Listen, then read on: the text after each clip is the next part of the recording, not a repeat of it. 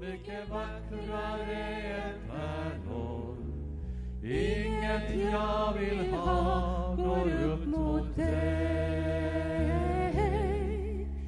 Inget jag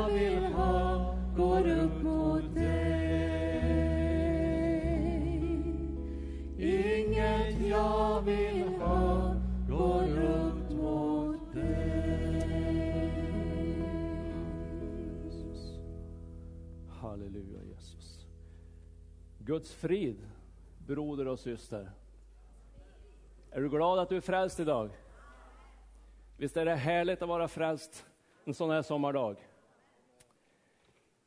Vet du, jag önskar att lovsången skulle vara kvar lite, liten stund. Om det går bra. För vet du, i den här atmosfären, när man står bara och lovsjunger Gud, när man står bara och prisar honom, så skulle man bara vilja stå bara längre. Och vet du att det är din och min uppgift att göra det. Att stå inför Gud och bara prisa honom. Det står i psalm 150, jag ska läsa den versen. Nu ska vi plåga köttet lite. Det känns behändigast att sätta sig. Men vet du att vi har en uppgift. Psalm 150 står det så här. Prisa Gud i hans helgedom. Prisa honom i hans makts fäste. Prisa honom för hans väldiga gärningar. Prisa honom för hans stora härlighet.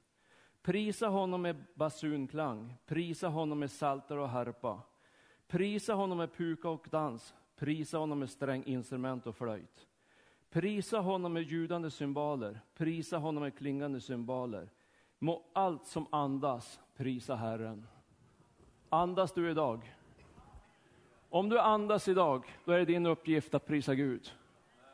Vet att när jag stod där nere, när de sjöng här sången, tack för Jesu blod, tack för Jesu blod, så var det precis som jag bara såg bara Jesus bara stod här. Det vilar sån härlighet över lovsångarna. Det var så fantastiskt tyckte jag. Tack för Jesu blod. Vi har så mycket att vara tacksam för. Du har så mycket att tacka Gud för. Ibland kan du tänka att jag, jag, ah, jag är lite nere, jag känner mig inte så på, på tå idag. Men det spelar ingen roll hur du känner det. Lev inte på känslorna. Lev av Guds ord. Bara prisa Gud. Besluta dig, jag ska prisa Gud. Ska du få se att det är någonting som förlöses i ditt liv. Jag hörde en hjärtskärande historia som kom att beröra dig. Och du kommer att vara tacksam att du överhuvudtaget har en säng att ligga i. Det var en liten pojke i Peru som var född upp i en familj som var jätte, jättefattig. Och de gick ut på stan varje dag, de skickade ut alla barn att de skulle ut och tigga för att få in någonting till familjen. Men en dag, vet du vad det hände? Han hittade inte hem. Han hittade inte hem till sin familj. Nu var han 20-25 år och jag hörde på Vision Norge, han var, nu van i Norge. Han hade tagit sig dit. Han blev frälst på ett program, på ett tv-program där. Har du tänkt någonting så hemskt? Han visste att han hade föräldrar men visste inte vem det var. Han hade syskon men han visste inte vart de var någonstans. För att han hade inte hittat hem. Det berörde mitt hjärta väldigt djupt det där. Och jag blev så tacksam till Gud. Jag har i varje fall ett hem. Jag vet mina anhöriga. Vilken an jag har jättestor anledning att prisa Gud. Jag har jättestor anledning att bara tacka honom för vad han har gjort för mig. Jag har en säng att ligga i. Ja, men jag har sådana problem, allt möjligt. Det är barnen och det är allt tjafs. Ja, det kan vara så. Men besluta dig att prisa Gud. Ska vi bara sjunga här kören? Tack för Jesu blod. Tack för Jesu blod.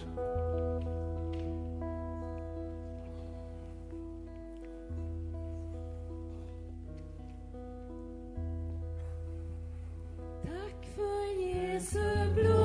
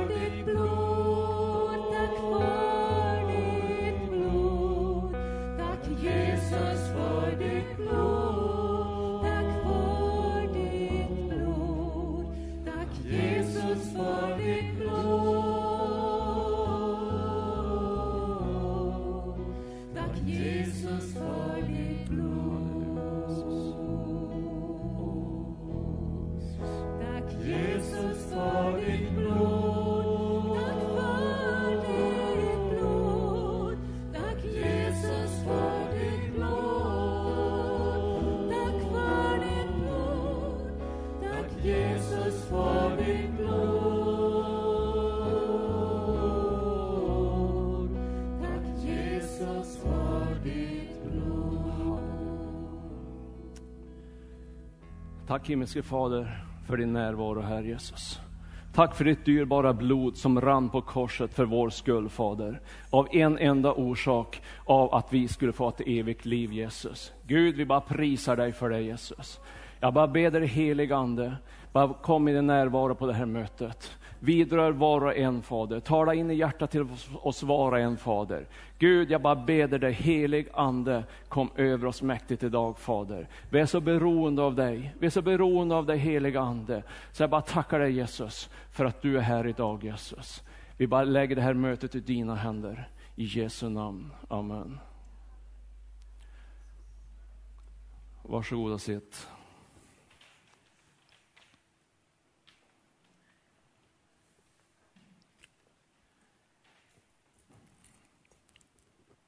Vi ska läsa en berättelse ifrån Gamla Testamentet, men innan vi gör det så skulle jag vilja bara säga något ord.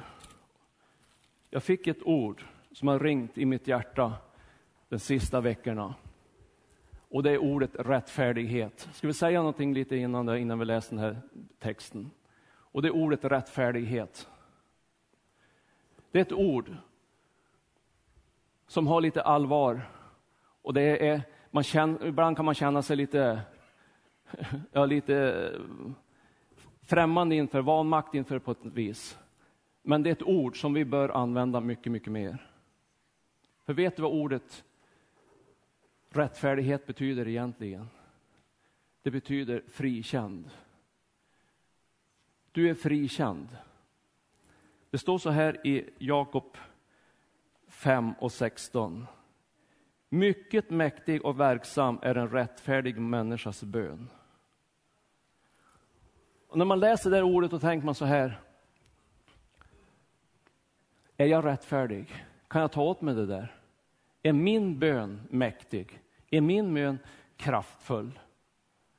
Jag skulle vilja säga ja. Är du troende, är du frälst, då är din bön mycket mäktig och kraftfull. Ja, men det känns inte så. Jag gör så mycket fel, jag har sådana brister och allting. Ja, visst kan du göra det. Det är inte snack om det. Men i Guds ögon så är du rättfärdig. Så är du frikänd. Du duger inför Gud. Du är värdefull för honom. Det står i Apostlagärningarna 13.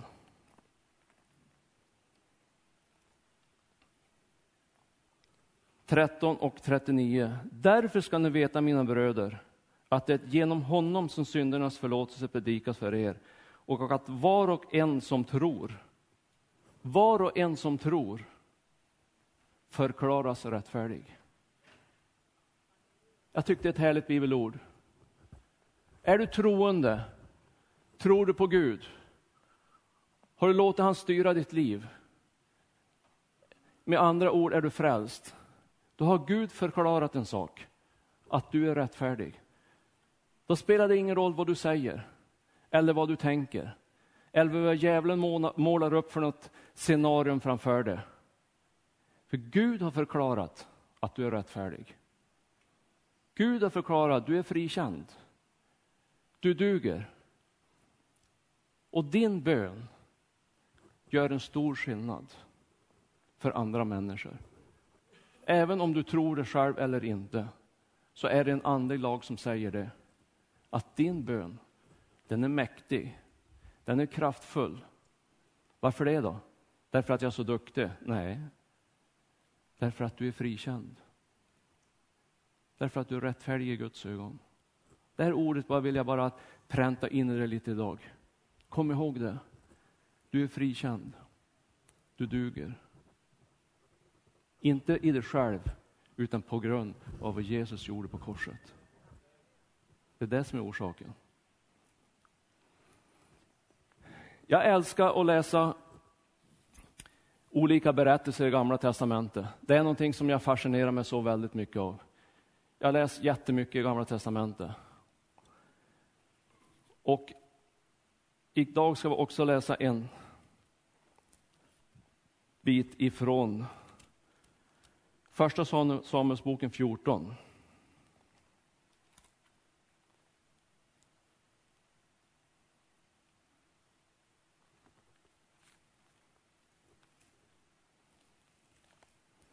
Det handlar om Jonatans hjältedåd. Du har säkert läst det där många gånger. Om att Jonatan, han blev en hjälte. För att han gjorde någonting som man inte kunde. Jag har gått och tänkt på det där, vad är en hjälte egentligen för någonting? Är en hjälte en som, som kan omskaka olika situationer? Är han en hjälte? Om man vinner VM-guld i fotboll, är de en hjälte? Vem är egentligen en hjälte? Om vi läser det här om en Jonathan så ska du få se vad en hjälte är för någonting. En hjälte, det är en människa som gör någonting som du egentligen inte kan. Det har jag kommit fram, fram till när jag läst den här, den här berättelsen. En hjälte, det är en människa som gör någonting som egentligen hon inte kan göra nu. Sen spelar det ingen roll om det är stort eller litet. Det har ingen betydelse. Du är inte större hjälte om du drar en stor folkskara till ett möte eller om du drar en liten folkskara till ett möte. Det är inte det det beror på. Det beror på om du gör någonting som du inte kan. Då är du hjälte. Ibland kan man se på tv, man ser de här stora predikanterna och man tycker, att de är hjälte va. Och så glömmer man bort kanske en som samlar i en liten bönegrupp någonstans. Tänk, de är ingen hjälte. Billy Graham fick en förfrågan en gång och en som sa så här. Jag tror en dag då du kommer till himlen så kommer du att få en fin plats framme vid tronen hos Gud. Då svarar Billy Graham, nej, det tror inte jag. Det finns en liten, liten kvinna som åker några veckor före mig på varje kampanj jag har. Och hon ber och hon ropar till Gud om väckelse och förändring på den här platsen. Och när jag kommer, då åker hon till nästa plats. En liten gammal gumma. Det är hon som kommer till att få en fin plats. Så ibland så är det som att vi, vi vet inte riktigt vem, vad en hjälte är för någonting. Vi ska läsa om en Jonathan. Ska vi se att han är ganska lik du och jag. Vi kan börja vers 1. En dag sade Sauls och Jonathan till sin vapenbärare Kom så går vi över till filisternas förpost där på andra sidan. Men detta talade han inte om för sin far. Saul befann sig då vid Gibeas gräns under granatträdet i Migron och folket som hade, han hade hos sig utgjorde omkring 600 man. Ahia, son till Ahahitub, som var bror till Ikabod, son till Pinhase, son till Eli, Herrens präst i Silo, bar då på efoden och folket visste inte om att Jonathan hade givit sig av. Men i passet där Jonathan försökte gå över för att komma till filisternas förpost fanns en klippa på vardera sidan. Den ena hette Boses, den andra hette Sene. Den ena klippan reste sig i norr, mitt emot Mikmash, den andra söder, mitt emot Geba. Jonathan sade till sin vapenbärare, kom så går vi över till dess oomskurnas förpost. Har du beslutat någon gång att göra någonting för Gud? Har du tänkt någonting? Det här ska jag göra. Jag tänkte många gånger. Jag tänkte, det här måste vara bra. Ska vi göra det här? Då kanske det är någon som blir frälst. Om jag bjuder hem någon, kanske bjuder och pratar om Gud, då kanske någon blir frälst. Har du tänkt på det någonting? Jag det flera gånger. Och det var det precis som Jonas han tänkte här. Nu ser du nästa vers. Han hade beslutat att göra det, va? Men han hann inte nästan mer än fatta beslutet så började han tvivla på det han skulle göra. För det står så här, kanske skall Herren göra något för oss. Han var inte riktigt säker. Han började tvivla direkt. Kanske ska Gud vara med mig. Det där är någonting som du och jag kan bli lurade av många gånger. Vi vet så väl att Gud har talat till mig. Du vet så väl att det här är rätt, att den här vägen ska jag gå. Men innan jag tar steget, då kommer fruktan in i mitt liv. Precis som Jonathan. Han hade ju beslutat, han hade till och med talat med en vapenbärare, att en skulle gå med han och slå filisteerna. Men ändå början, kanske Gud, undrar om Gud är med mig egentligen. När man får de där tankarna, när man börjar tvivla på någonting sånt där, då ska man bara gå till Guds ord och se vad Guds löften säger. Och det var det jag tror Jonathan gjorde. För i samma vers, han hann nästan inte uttala det där, då står det så här. För ingenting hindrar Herren att ge seger genom få lika väl som genom många. Han hade ändrat sig direkt. Kanske Gud, kanske inte, kanske, ja, han var så där. Men sen då, men Gud, han kan ju ge seger genom få lika väl som genom många. Nu säger jag inte så här att det är inte bra att vara mång. Det är jättebra att vara mång. Det är inte det jag talar om idag. Men i specifika situationer kan Gud tala till dig. Gör det här. Och då kan det vara bra att inte tala om det för så många. Varför det då? Jo, för att det är så många som vill stjäla någonting av det. Det finns bland annat en, och det är vår fiende. Han vill stjäla den där drömmen ifrån dig. Han vill stjäla det där som du ska gå ut och göra ifrån dig. Och ju fler du talar om det för, ju lättare sprids det ut och lättare börjar det gå i mun. För vissa specifika saker tror jag är jätteviktigt. Att det håller jag mellan Gud och mig. Det här ska jag göra för Gud. va? Jag kan, jag kan göra som Jonathan. Jag talar om mig för min vapendragare. Jag kan tala om mig för pastorn. Jag kan tala om mig för olika enor runt omkring mig. Men jag kan inte sprida ut det hur mycket som helst. Det gjorde inte Jonathan heller.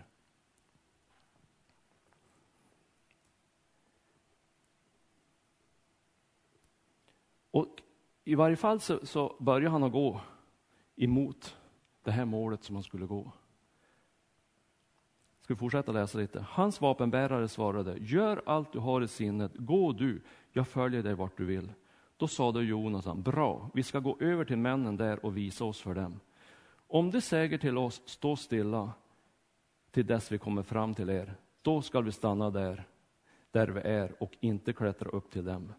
Men om de säger, kom upp till oss, då skall vi gå dit upp, för då har Herren gett dem vårt land. Har du tänkt vad mäktigt, märkligt det var? Det var fienden som gav dem order hur de skulle göra. Har du tänkt på det? Om de där uppe,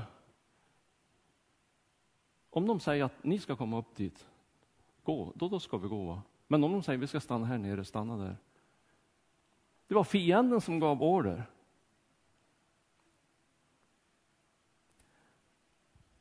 Och jag har kommit fram till att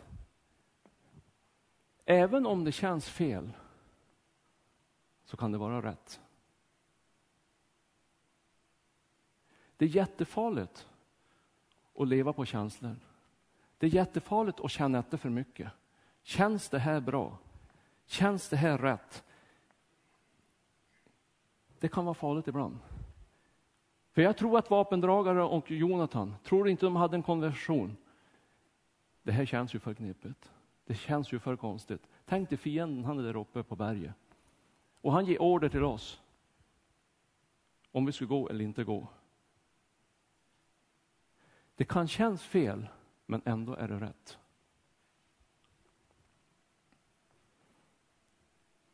När de båda två hade blivit synliga för filisternas förpost sade filisterna, se, hebreerna kryper ut ur hålen där de har gömt sig. Förpostens manskap ropade till Jonathan och hans vapenbärare, kom upp till oss så skall vi lära er. Då sade Jonathan sin vapenbärare, kom med mig upp efter mig, för Herren har gett dem i, här, dem i Israels hand. Jonathan klättrade upp på händer och fötter och hans vapenbärare följde honom. Tror du att det kändes rätt? Ser du Jonathan framför dig? Han skulle upp över bergsluttningen. Och det var så brant där, så han klättrade både med händer och fötter. Det kanske var så brant så att han tog två steg upp, så hurade de ner ett steg. Tror du det kändes rätt? Och visste att de hade fienden ovanför sig. Hur lätt hade det inte varit då de kom krypandes upp? Det är bara att ta en hammare och knacka dem i huvudet. Jätteenkelt. Det kanske regnar, det kanske stormar, det kanske yrväder. Tänk det värsta du kan tänka dig scenario med. Och så skulle de klättra på händer och fötter upp emot fienden som de visste. Vi var två. Hur många var de? En hel hop. Men vet att de stod på ett ord. De stod på ett ord. Så där kan det kännas många gånger i ditt och mitt liv. Kanske det har känts så där för Mats ibland, när han har varit uppe på Sörliden. När han skulle börja ha någonting där uppe. När han skulle börja få ihop någon grupp där uppe. Göra någonting för barnen. va? Jag är säker på att han har åkt förbi museet, backen uppe mot Sörliden. Och han har tyckt precis som att fienden var där uppe. Han var emot den. Och det har känts så motigt, det har känts så bänt som vi säger hemma i Sörflarke. Det har inte gått lätt, det har varit svårt. Men han har haft ett ord.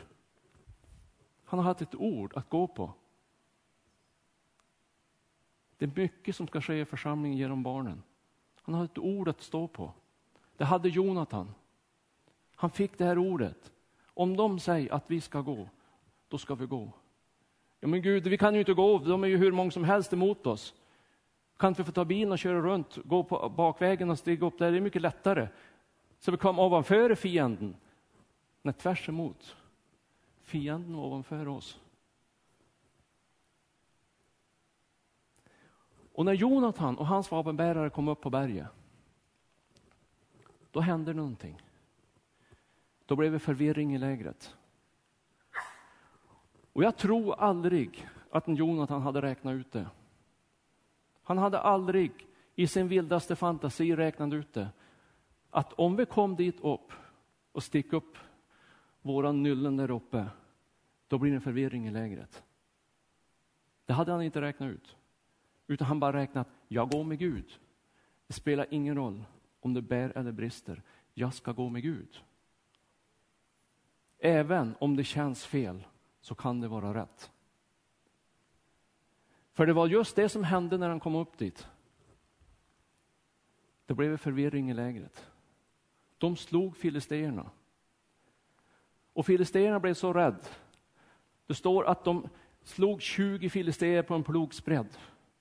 Och när de andra såg det så blev de döda. De bara stack. De bara lämnade häst och vagnar och allt. De bara sprang. När du lämnar häst och vagn och en krigare, då är det förvirring. För normalt hoppar du på hästen och så stick du. Men de tänkte inte klart. Och Jonathan, han hade aldrig, aldrig fått vara med om det där. Om han inte hade fattat ett beslut nere i dalen. Jag ska gå med Gud, kosta vad det kosta vill. Det är lätt att fatta ett beslut att jag ska gå starkt med Gud när jag är uppe på berget. Det är svårare att fatta ett beslut att jag ska gå med Gud när jag är nere i dalen.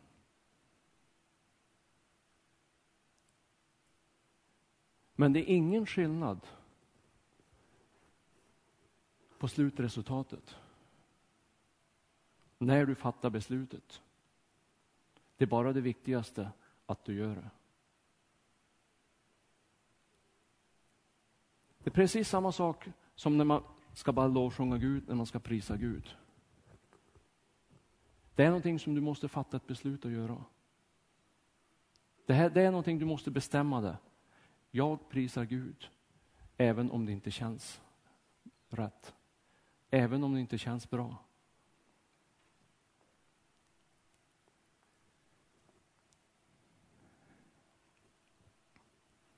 Jag har sagt det många gånger och jag tänkte säga det igen.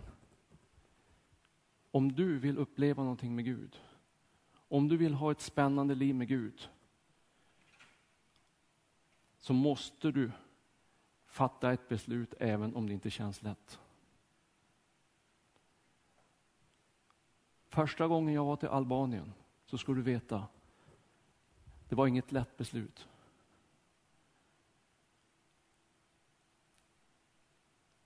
För en inåtvänd bohem uppe i Arnösjö. Det var inget lätt beslut, men jag fattade ett beslut. Jag ska gå, kosta vad det kosta vill. Hoppas jag kommer hem med livet i behåll. Och när man fattar någonting sånt beslut, då ångrar man sig aldrig. För att det man har fått vara med om under alla dessa år, det skulle man aldrig i världen vilja byta bort. Då är det ingenting värt att skjuta en stor oxe på älgjakten. Men man har fått vara med om att människor har blivit frälst. Att man har fått vara med och be frälsningsbön för människor. Det är det som räknas någonting i evigheten.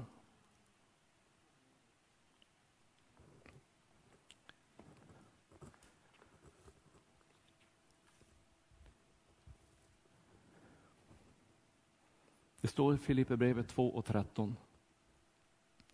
Det står att Gud verkar på din vilja och min vilja. Det står så. Han verkar på din vilja. Gud har en fråga till dig idag. Vad vill du? Vad vill du egentligen? Vill du se väckelse i Arnösjö? Vill du se väckelse i Bredbyn? Vill du se väckelse i Husum? Vill du se väckelse i Bjästa? Vill du se den i Övik? Vill du se den i hela Norra Skogs? Vill du se den i Sverige?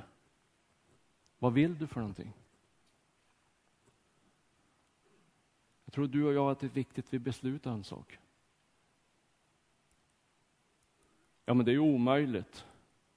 Det är ju så torrt. Det är ju så, det, det, det, det är så kärvt på alla områden. Ja, visst är det det. Bönhuset slås igen här hur mycket som helst. Men det är inte det som ska styra vårt beslut. För vet du att det är faktiskt väckelse i världen. Det har aldrig, aldrig varit så många kristna på den här jordkloten som det är idag den 18 juli. Det har aldrig varit så många. Du har aldrig haft så många syskon. Du har aldrig haft så många bröder och systrar som det är nu. Ändå är det så lätt att modet fäller ner på oss. Det går inte. Hur tror du Jonathan tänkte när de klättrade där uppe? I världens storm. For upp på huren och de for på alla fyra. De fick fäste vid en sten och det var allt möjligt. Hungriga var de. Hur tror du han sa? Det här går inte. Det går inte, säger han. Låt det ordet vara fjärran ifrån det. För Gud är ingenting omöjligt. För Gud är ingenting omöjligt. Han är helig. Han är allsmäktig. Han har jorden sedd sin fotapall. Har du tänkt på det? Han är mäktigare än vad du och jag tror. Jag blev så glad när jag träffade en, en Ulf. Jag vet inte om han gick ut här. Han kom efter ett möte för två, tre veckor sedan. Jag vet inte. Du kommer, be för min tumme, så. Nageln var alldeles, och han var alldeles information. Så kom han och visade mig idag. Kolla, Gud hör bön. Gud hör bön, sa han. Det har hänt någonting med tummen.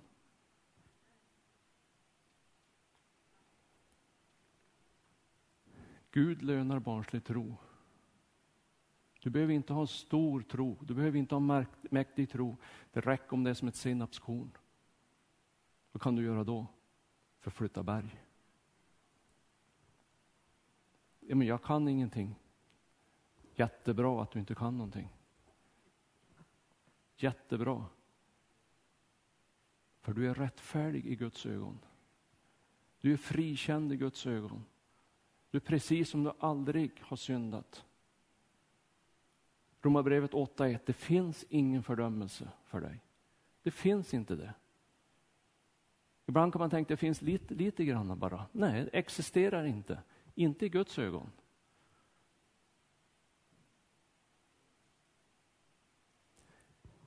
Därför att det är på det sättet så är det fullt möjligt för dig att få vara med om samma som Jonathan var med om. Vet du vad jag tror vi behöver just nu i Sverige? Och vad vi behöver i Övik? Vi behöver hjältar. Vi behöver hjältar som gör hjältedåd. Inte sådana dåd som kommer på affischerna, inte, det är inte det jag talar om. Utan att vi är hjältar för Gud.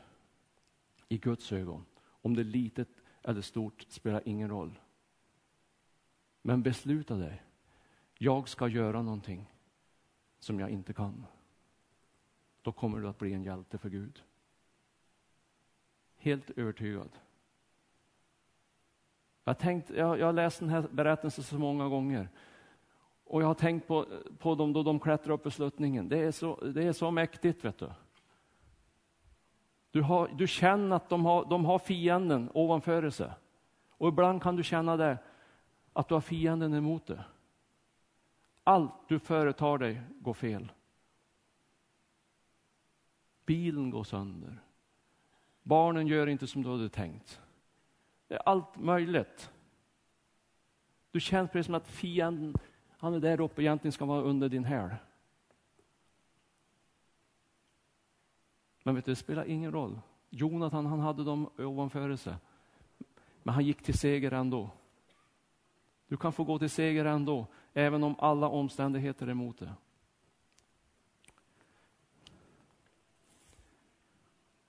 Ni ska veta att det är varmt här.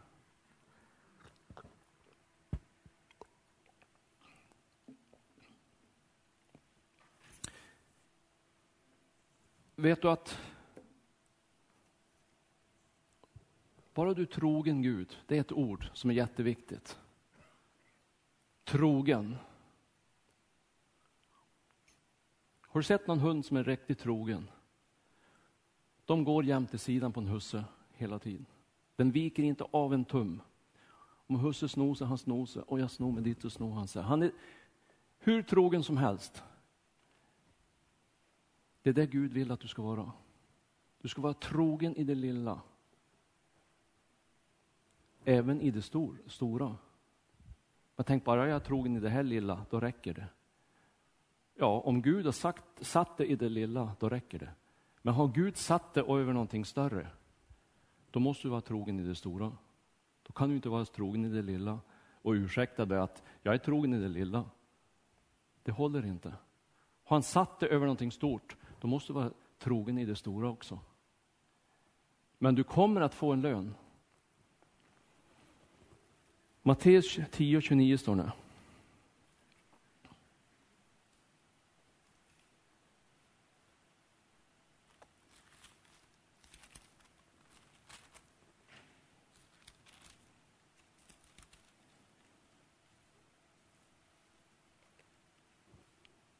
Markus. Ursäkta.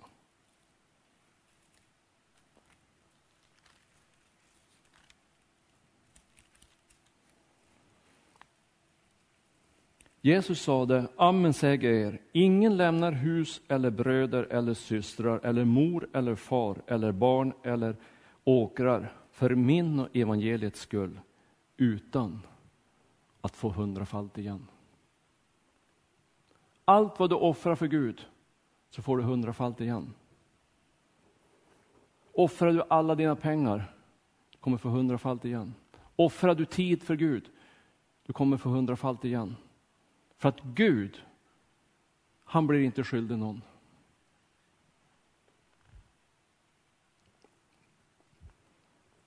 Det står Uppenbarelseboken 22 och 19. 22 och 12 står det.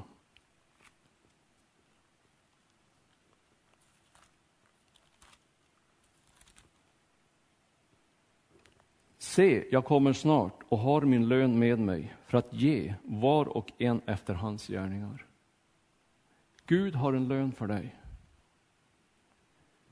För det kommer en dag då du och jag ska stå räkenskap för vårt liv. Det kommer en dag då du står inför tronen. Vad är det då du vill höra? Jag vill höra. Väl gjort, du gode trogne tjänare. Välkommen in.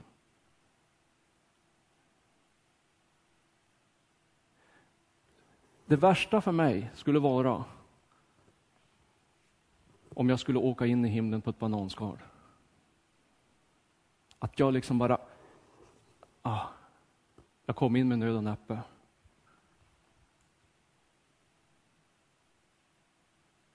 Det skulle inte vara något roligt.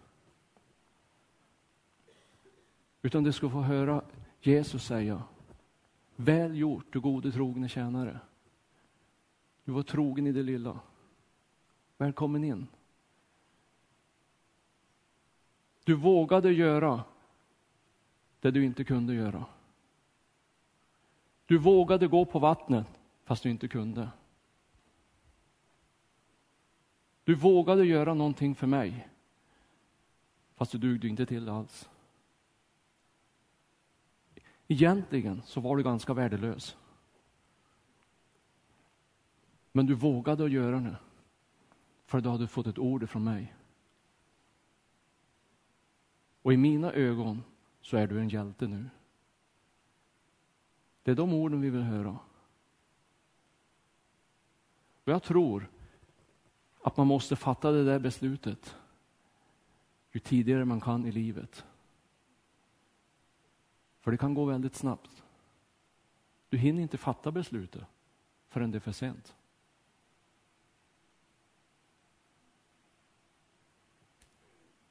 Om du och jag vill ha väckelse i Övik med omnejd så tror jag att vi måste fatta sådana beslut var och en. Det räcker inte om pastor Thomas fattar ett beslut. Det räcker inte att ledningen fattar ett beslut i en församling. Det räcker inte.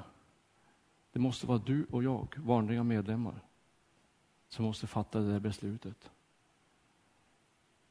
Jag ska göra någonting. Fast jag kan inte. Och då är det så fantastiskt. Att Gud har sänt en helig ande. Skillnaden mellan Guds barn och världens barn, det vet du så väl vad det är. Det är en helig ande. finns ingen annan skillnad. Världens barn har hus och hem, de har bilar och de har motorcyklar, de har båtar, de har allt. Guds barn har samma saker, de utnyttjar dem likt. Men skillnaden är en helig ande. Det är han som är vår hjälpare. Det är han som kan hjälpa dig och mig. Annars går det inte.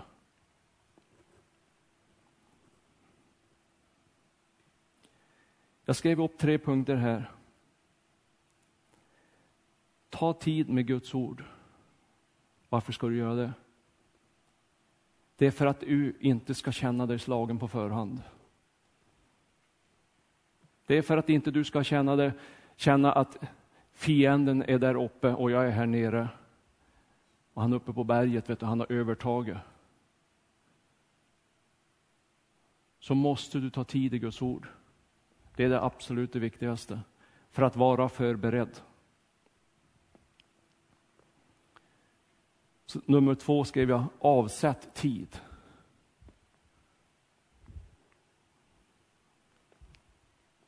Har du lekt med tanken någon gång att jag ska ta ut en semesterdag för att bara vara med Gud? Har du tänkt dig någonting? Jag vet inte hur många semesterdagar du har på ett år. Men en dag borde man ta tid med Gud. Har du gått till, tänkt med tanken att jag ska gå till arbetsgivaren idag och fråga, jag tänkte ta semester på fredag. Så vad ska du göra då? Så ta tid med Gud. Har du lekt med den tanken någon gång? Det går lätt att ta en extra semesterdag. Man kan åka till fjälls och fiska och det är inget fel i det. Man kan ta båten och åka ut på Trysunda och vara där en hel dag med familjen. Man måste ju vara med familjen. Ja, det är inget fel i det heller. Det är rätt. Men jag har tänkt tanken en gång, några gånger. Jag borde ta en semesterdag och bara vara med Gud. Bara umgås med Gud. Det var ju så de gjorde i, i lustgården. De umgicks med Gud. Och jag tror de var uppbyggda, jag tror de var glada. Punkt nummer två, avsätt tid för Gud.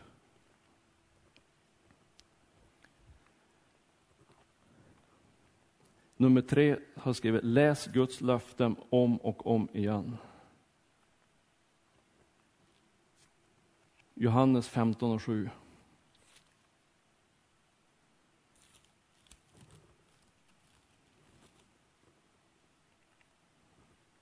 Det är ett fantastiskt löfte.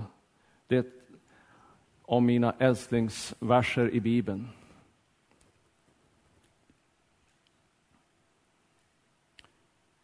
Om ni förblir i mig och mina ord förblir i er, som be om vad ni vill, du ska få det. Vad handlar det om egentligen? Det handlar om att avsätta tid för Gud.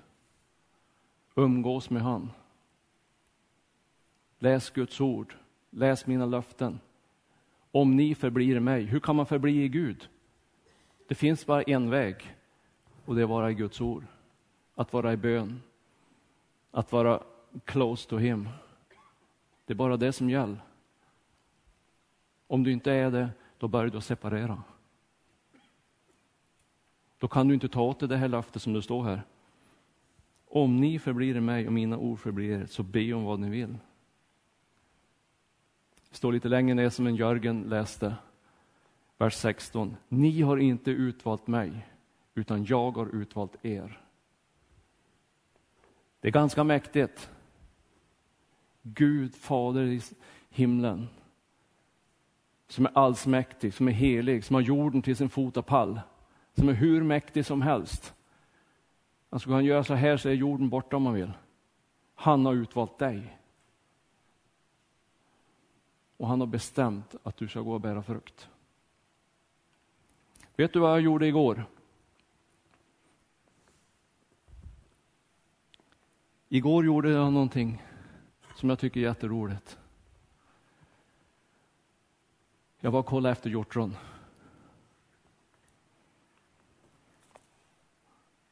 Och jag kom på en myr där det faktiskt fanns hjortron.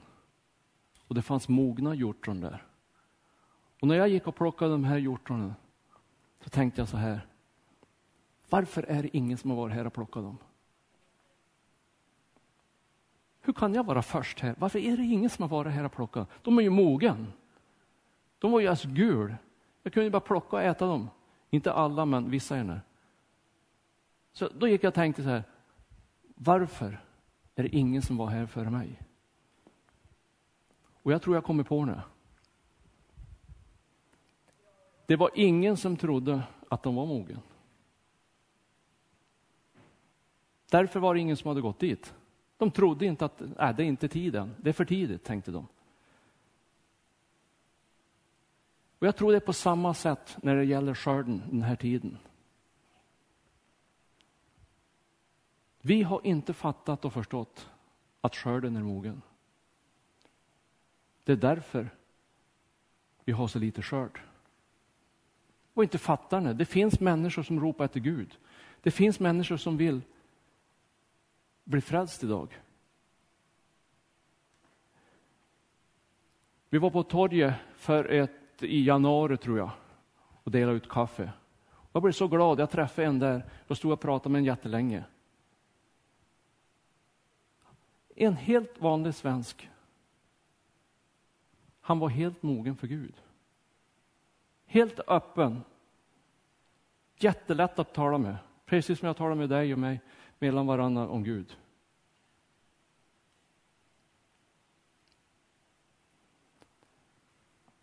Så jag tänkte så här att skörden är ju mogen.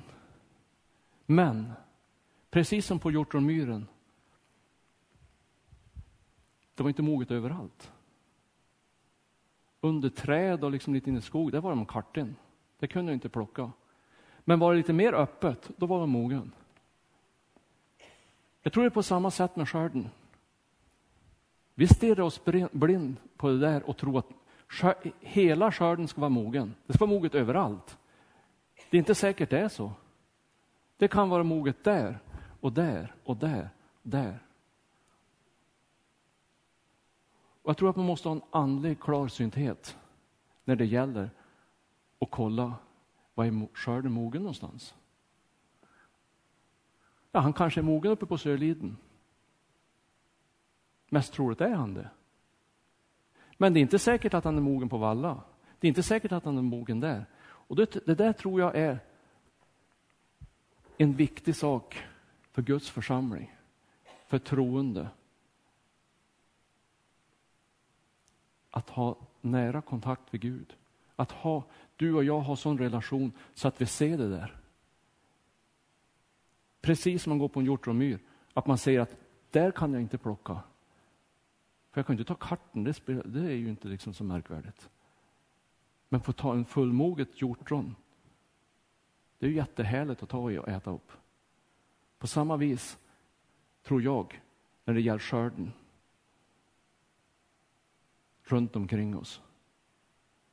Det gäller att plocka, att plocka de som är mogen. Ja, men det är ju så få, det kanske bara en. Ja, det spelar ingen roll. Det kanske är en nyckelperson.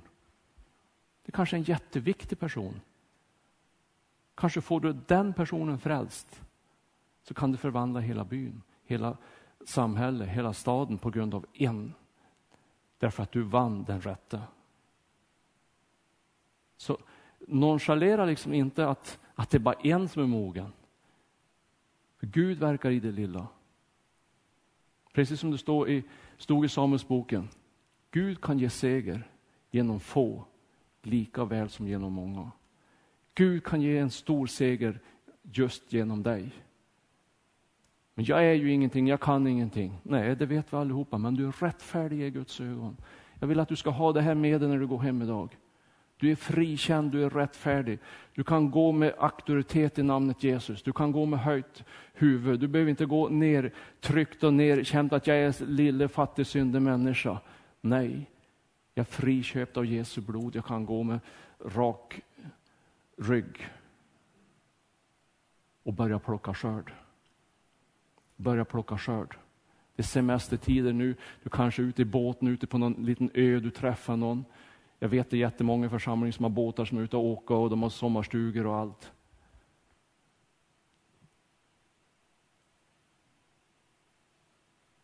Gör som Jonathan. Det känns fel. Det känns hur galet som helst. Men ändå ska jag gå. Det finns ett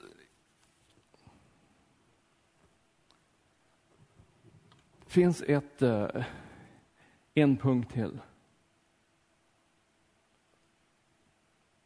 Och det berör den Mattias här i helgen lite grann. Som jag tycker ska nämna lite grann om. När det gäller att gå med Gud. När det gäller att göra någonting för Gud. När det gäller att stå upp för han. han sa så här. Ditt kött måste dö för att du ska göra någonting för mig. Och jag tror faktiskt att det är så.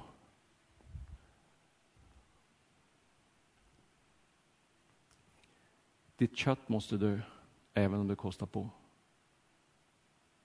Mitt kött måste dö, även om det kostar på.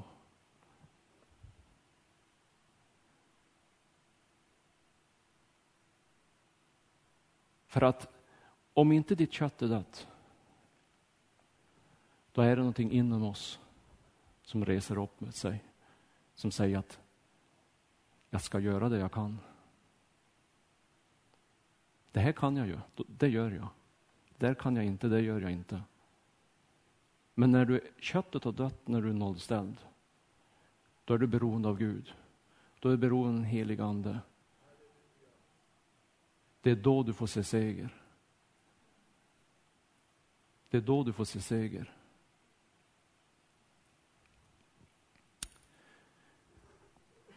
Jag skulle vilja att lovsångaren kommer upp.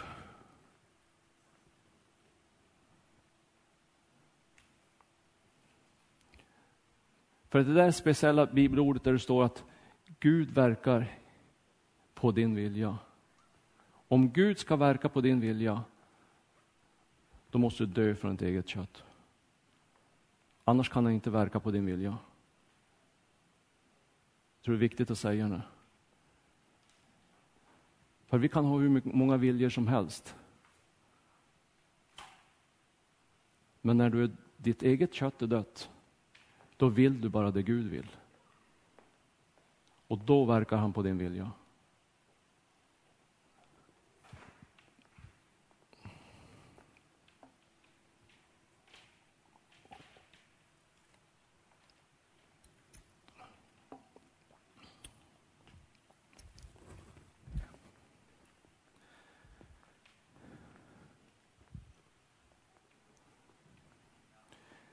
Vet du att jag har lovat Gud en sak? Och jag har bestämt mig att det ska jag hålla. Att varje möte som jag predikar på, varje möte där jag stiger upp och säger någonting,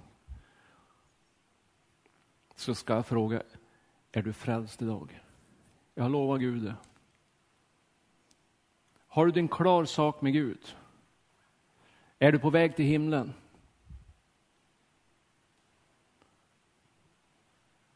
Och är du här idag och du har inte frid på insidan så finns det möjlighet att få frid idag. För jag tror det är, det är jättemånga människor som är med i församlingar. Du har kanske varit med hur många år som helst och ditt andliga liv har blivit som en slentrian. Du går på vana. Jag sitter på den här platsen. Du har inte ett levande liv med Gud.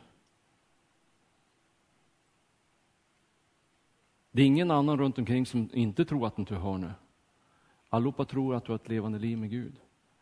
Men du själv, du vet hur pass levande det är. Så om du är här idag och du inte är frälst, så ska du bli frälst idag. För det står att idag är frälsningens dag. Och är du här idag och ditt andliga liv har falnat lite. Du känner, jag är frälst. Okej, okay, det är ju jättehärligt. Men det brinner inte som det brann förut. Så ska du komma fram. Har du något annat problem så ska vi inbjuda till förbön. För att ingen här inne ska behöva gå hem och känna att jag har ett problem för mig själv och det var ingen som brydde sig. Jag vill att du ska känna att vi är syskon. Att du ska känna att vi har syskon. Det är någon som bryr sig om dig. Det är någon som bryr sig att du har jobbigt. Det är någon som vill att det ska bli bra för dig. Vet att det är större skam att gå hem med ett problem än att lämna nu vid Jesu fötter. Tänk att jag kan inte gå fram då, vad tror de ska tänka då? Det har inte med saken att göra. Det är mellan dig och Gud. Kom ihåg det. Ska vi stå upp och så ska vi börja prisa Gud. Och du vet vad som stod i psalm 150? Den som andas, han ska prisa Gud. Är det så att du andas, ska du prisa Gud. Det känns inte rätt, det känns inte, jag är ingen sångare, det spelar ingen roll, det, det frågar inte psalmisten om. Han bara frågar, prisa, andas du, ska du prisa Gud.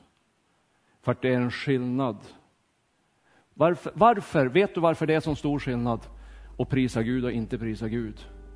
Det är därför att då får du ditt fokus på honom och inte på dig själv. Det är det det handlar om hela tiden. Så länge du har fokus på dig själv ser du bara problem. Men bara ser du på honom, då flyger problemen iväg. Så vill du ha förbön så kom fram under vi sång. Vi har förebedjare här. Och du ska inte behöva gå hem och känna att det var ingen som brydde sig. Det spelar ingen roll vad du har för problem. Gud vet om det. Du behöver inte ens nämna det om du vill. Men i och med att du går fram och tar ett steg så har du visat Gud i varje fall att jag vill ha en förändring.